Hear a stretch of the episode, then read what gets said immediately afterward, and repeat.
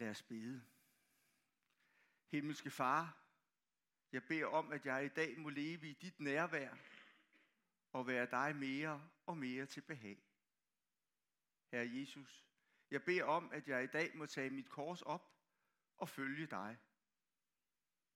Helligånd, jeg beder om, at du i dag vil fylde mig med dig selv og få din frugt til at modnes i mit liv. Kærlighed, glæde, fred, tålmodighed, venlighed, godhed, trofasthed, mildhed og selvbeherskelse. Amen.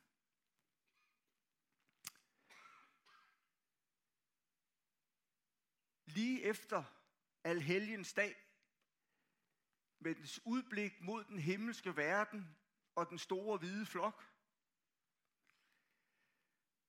så følger den søndag, som sætter fokus på det himmelske og på det jordiske borgerskab. På det forhold, at vi som kristne både har et jordisk og et himmelsk fædreland. Vi har med andre ord et dobbelt statsborgerskab. Spørgsmålet, som Jesus får stillet af farisæerne og herodianerne. Herodianerne, det er sådan et kongetro gruppe, øhm, tilhængere af Herodes. Det var præster og aristokrater.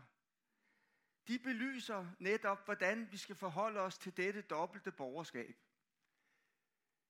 Inden de stiller Jesus, jeg tror, vi i dag vil kalde det et trickspørgsmål. Lige meget hvad han svarer, tænker de, så svarer han forkert. Før de stiller ham dette trickspørgsmål, så smiger og smisker de. Vi ved, hvor hellig du er. Vi ved, hvor god du er. Vi ved, du ikke gør forskel på folk. Vi ved, du er kommet fra Gud. Den får ikke for lidt, kan man roligt sige.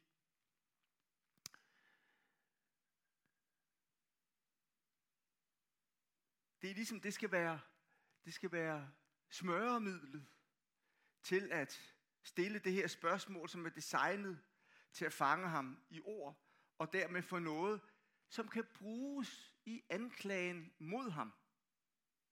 Vil Gud have, at vi skal betale skat til kejseren, eller ej? Dermed sætter de ham under pres.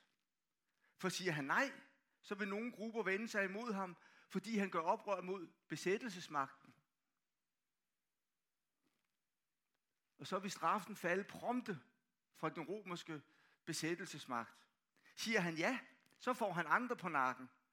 Både de mest troende af farisæerne og tidens terrorister, zeloterne. Men Jesus ser gennem alt deres misken og alt deres smøren, og han ser, han ser ind gennem trickspørgsmålet. Og så gør han det, som han så ofte gør. Han benytter sig af anskuelsesundervisning. Han får dem til at hive en denar frem fra bæltet. Det møntfod, de brugte, når de betalte skat. Jesus spørger efter, hvad der er på mønten. Først på den ene side, billedet på den. Det er kejserens profil. Besættelsesmagtens øverste leder.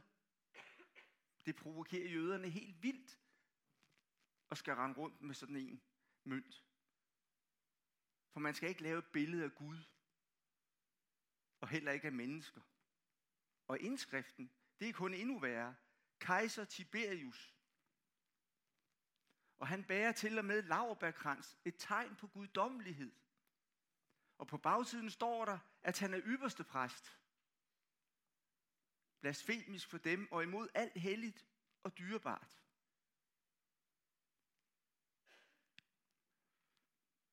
Nu er det Jesus, der har sat dem fast. I går jo med den mønt alligevel.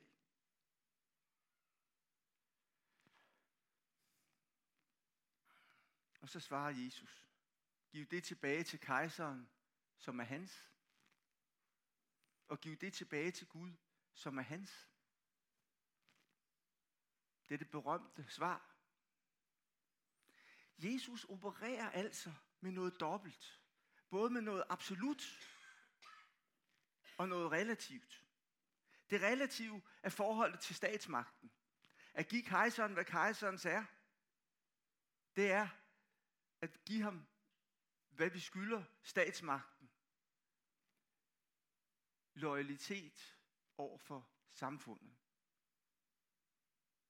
Jesus beder dem om at være lojale samfundsborgere med det svar. Og os, der læser det i dag, vi får at vide, vær lojale samfundsborgere. Det absolute, som Jesus opererer med, det er forholdet til Gud.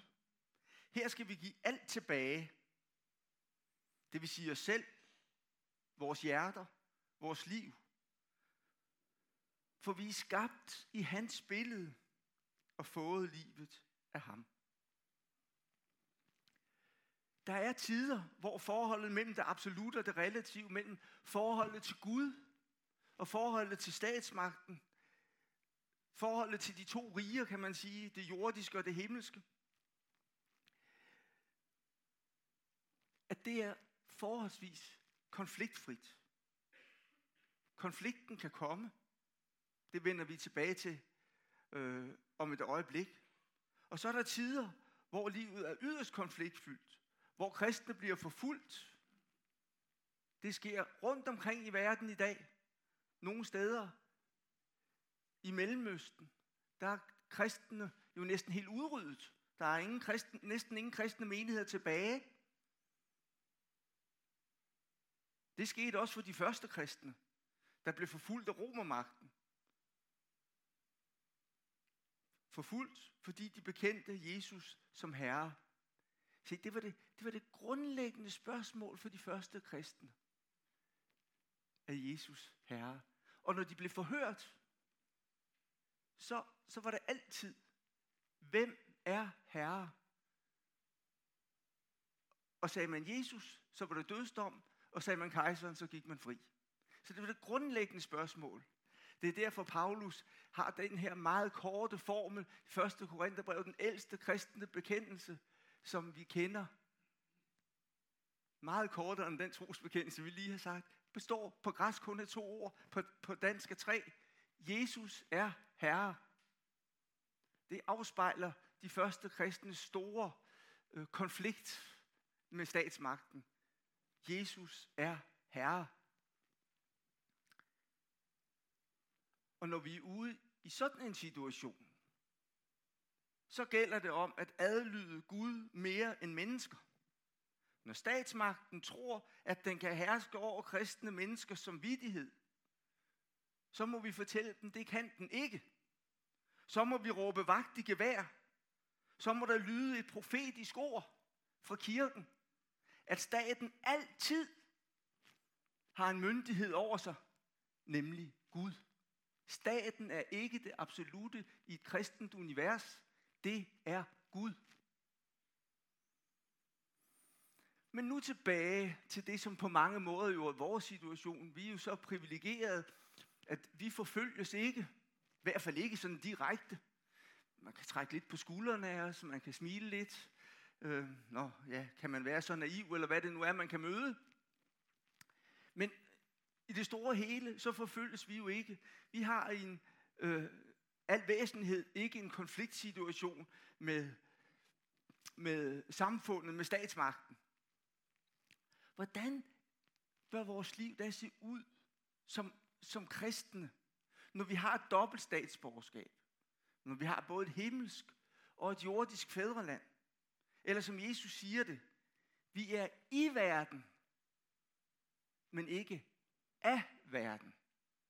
Hvordan lever vi i den dobbelthed at være, så at sige, med to pas i baglommen, eller i verden, men ikke af verden. Som kristne, så bør vi ønske at følge Jesu ord om at give Gud, hvad Guds er. Altså ubetinget hele vores liv. Du skal elske Gud med alt, hvad du har, og de næste som dig selv. Det er de værdier, der gælder i vores himmelske statsborgerskab. Det er de værdier, der gælder i Guds rige. Elsk Gud med alt, og din næste som dig selv. Hmm. Hvordan kan vi komme til at leve sådan?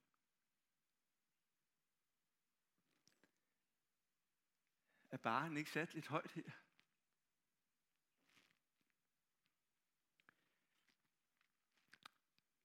Lad mig sige det sådan.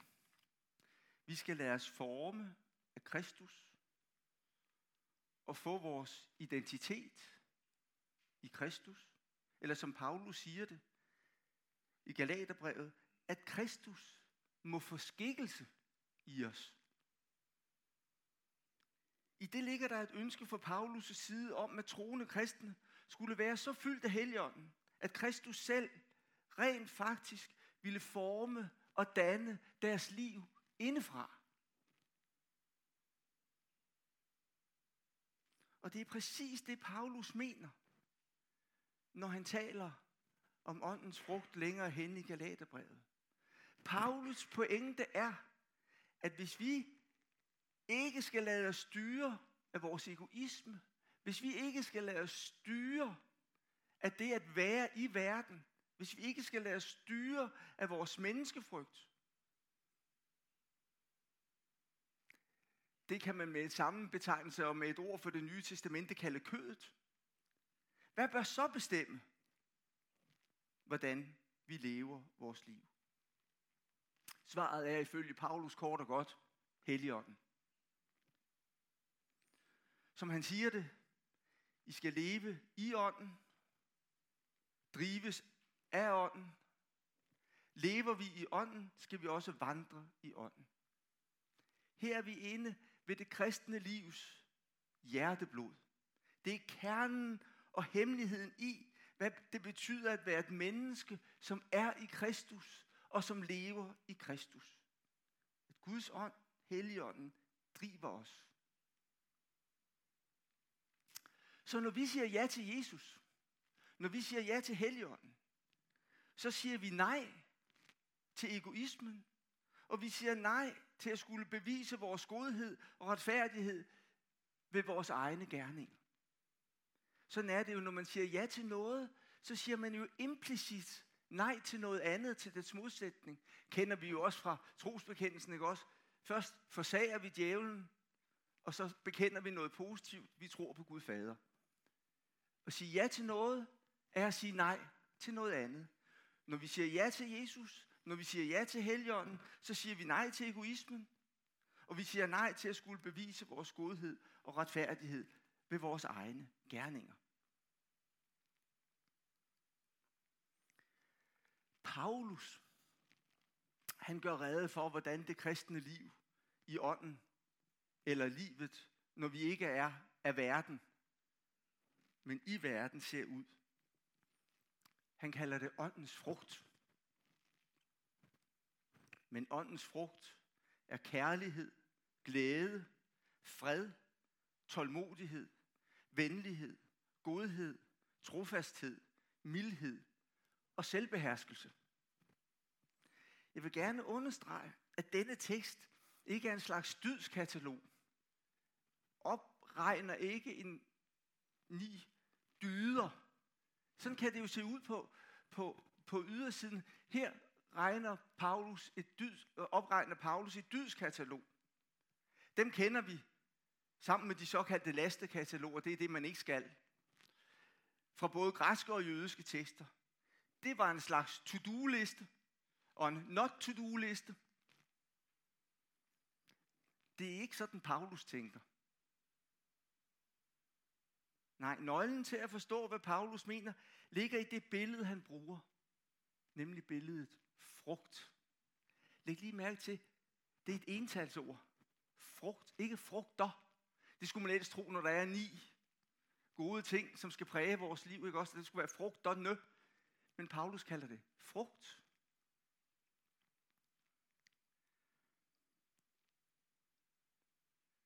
Og her er vi inde ved nøglen. Frugt er livets naturlige produkt.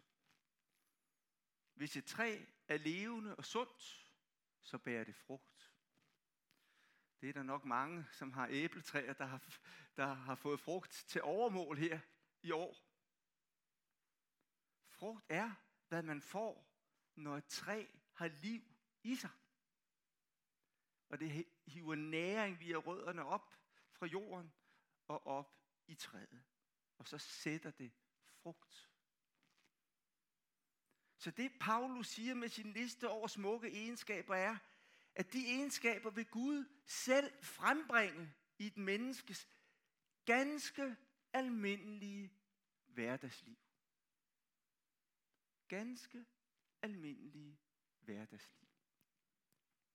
Fordi Guds eget liv ved Helligånden virker i ham eller hende, i dig og mig, og sætter frugt.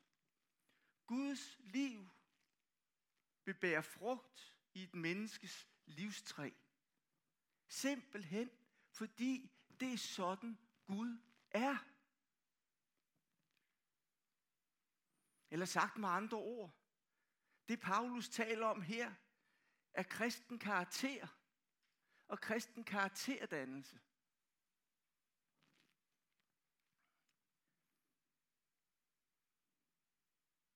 Karakterdannelse er desværre ofte undervurderet i menighedsliv. Men kristen karakter er det, der rent faktisk gør menigheden og kristne mennesker til noget andet. Til noget andet end det, vi ser omkring os i samfundet. Derfor bør vi være så opmærksom på det, som Paulus skriver i Galaterbrevet om åndens frugt. Fordi det er karakter. Det er karakterdannelse.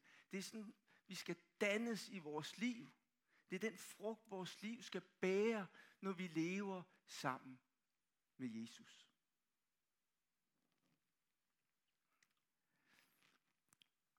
For nogle uger siden var der tre her fra, fra menigheden, hvor jeg var den ene, der var på kursus ude i Herning.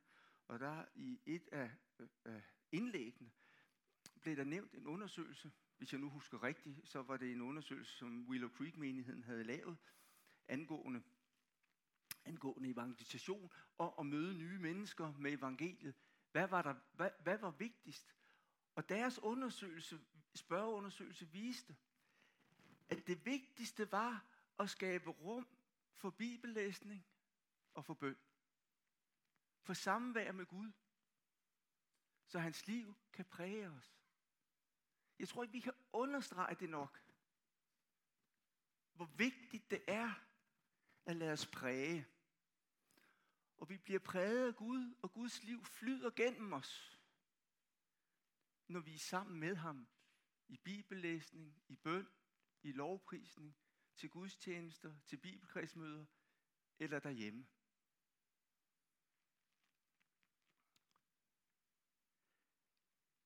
Lad mig bruge et billede fra vores hverdagsliv.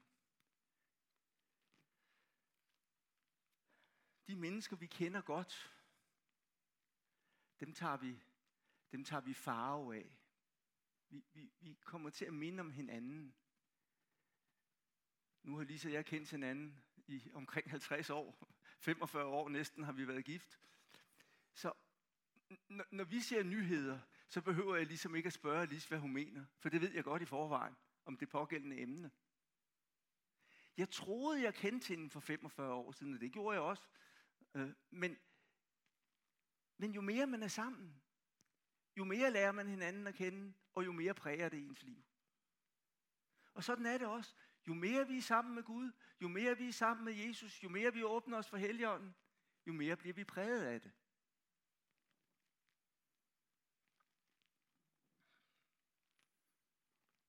Karakterdannelsen sker i samværet med Jesus.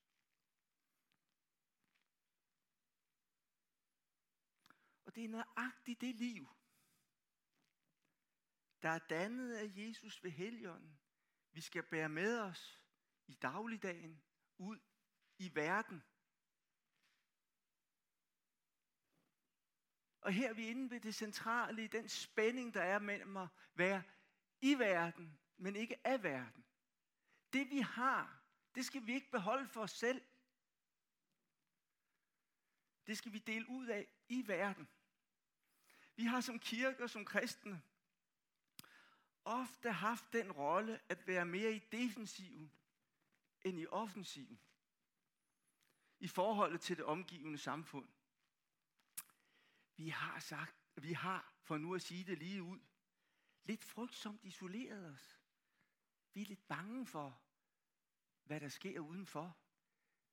Kan det, kan det gøre os ondt? Kan det ramme os? Grundsynet er, at faren er derude et sted, og man trækker sig for at beskytte sig mod andres negative indflydelse. Og det er jo forståeligt, og det er menneskeligt, og måske skal vi også trække os nogle gange. Men forudsætningen for at leve i verden, men ikke af verden, det er, at man har tiltro til styrken i kristendommen. At man har tiltro til styrken i den forandring, som Helligånden udvirker i os. At man har tiltro til, at Jesus vil gå med os. Så vi kan være med til at sprede Guds riges værdier og Guds rigets liv i det omliggende samfund. Lad mig slutte af med noget, som jeg synes er vældig, vældig trostyrkende. Det har talt til mig mange gange i hvert fald. De første kristne,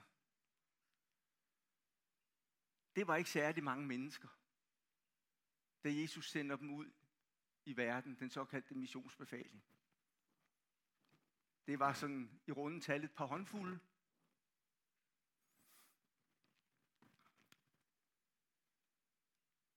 Og de havde alt grund til at trække sig. Det var et brutal hedensk verden, de levede i. Og det skulle de tage kampen op med. Hvordan gjorde de det? Ja, deres, præg, deres liv var præget netop af det, som jeg har forsøgt at sige lidt om i formen der her. Præget af den karakter. Ikke at de var fejlfrie, det bliver vi heller ikke. Men det var præget af den karakter, som de havde fået i deres samvær med Jesus. Og de gik. Og de levede det ud. Det som vi øh, øh, øh, øh, sagde før. De levede deres liv i kærlighed til deres hedenske omgivelser.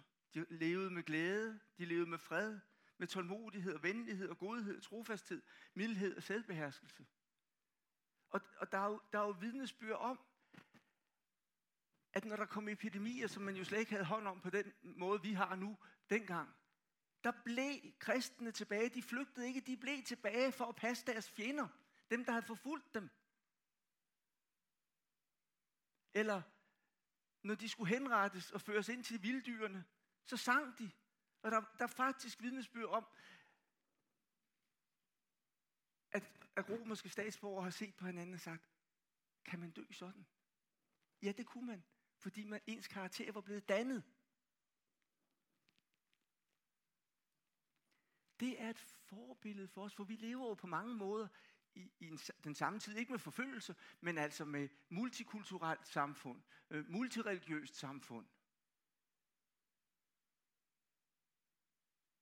Så, så, så, så det er et forbillede for os, at vi skal leve med den her kristne karakterdannelse i verden.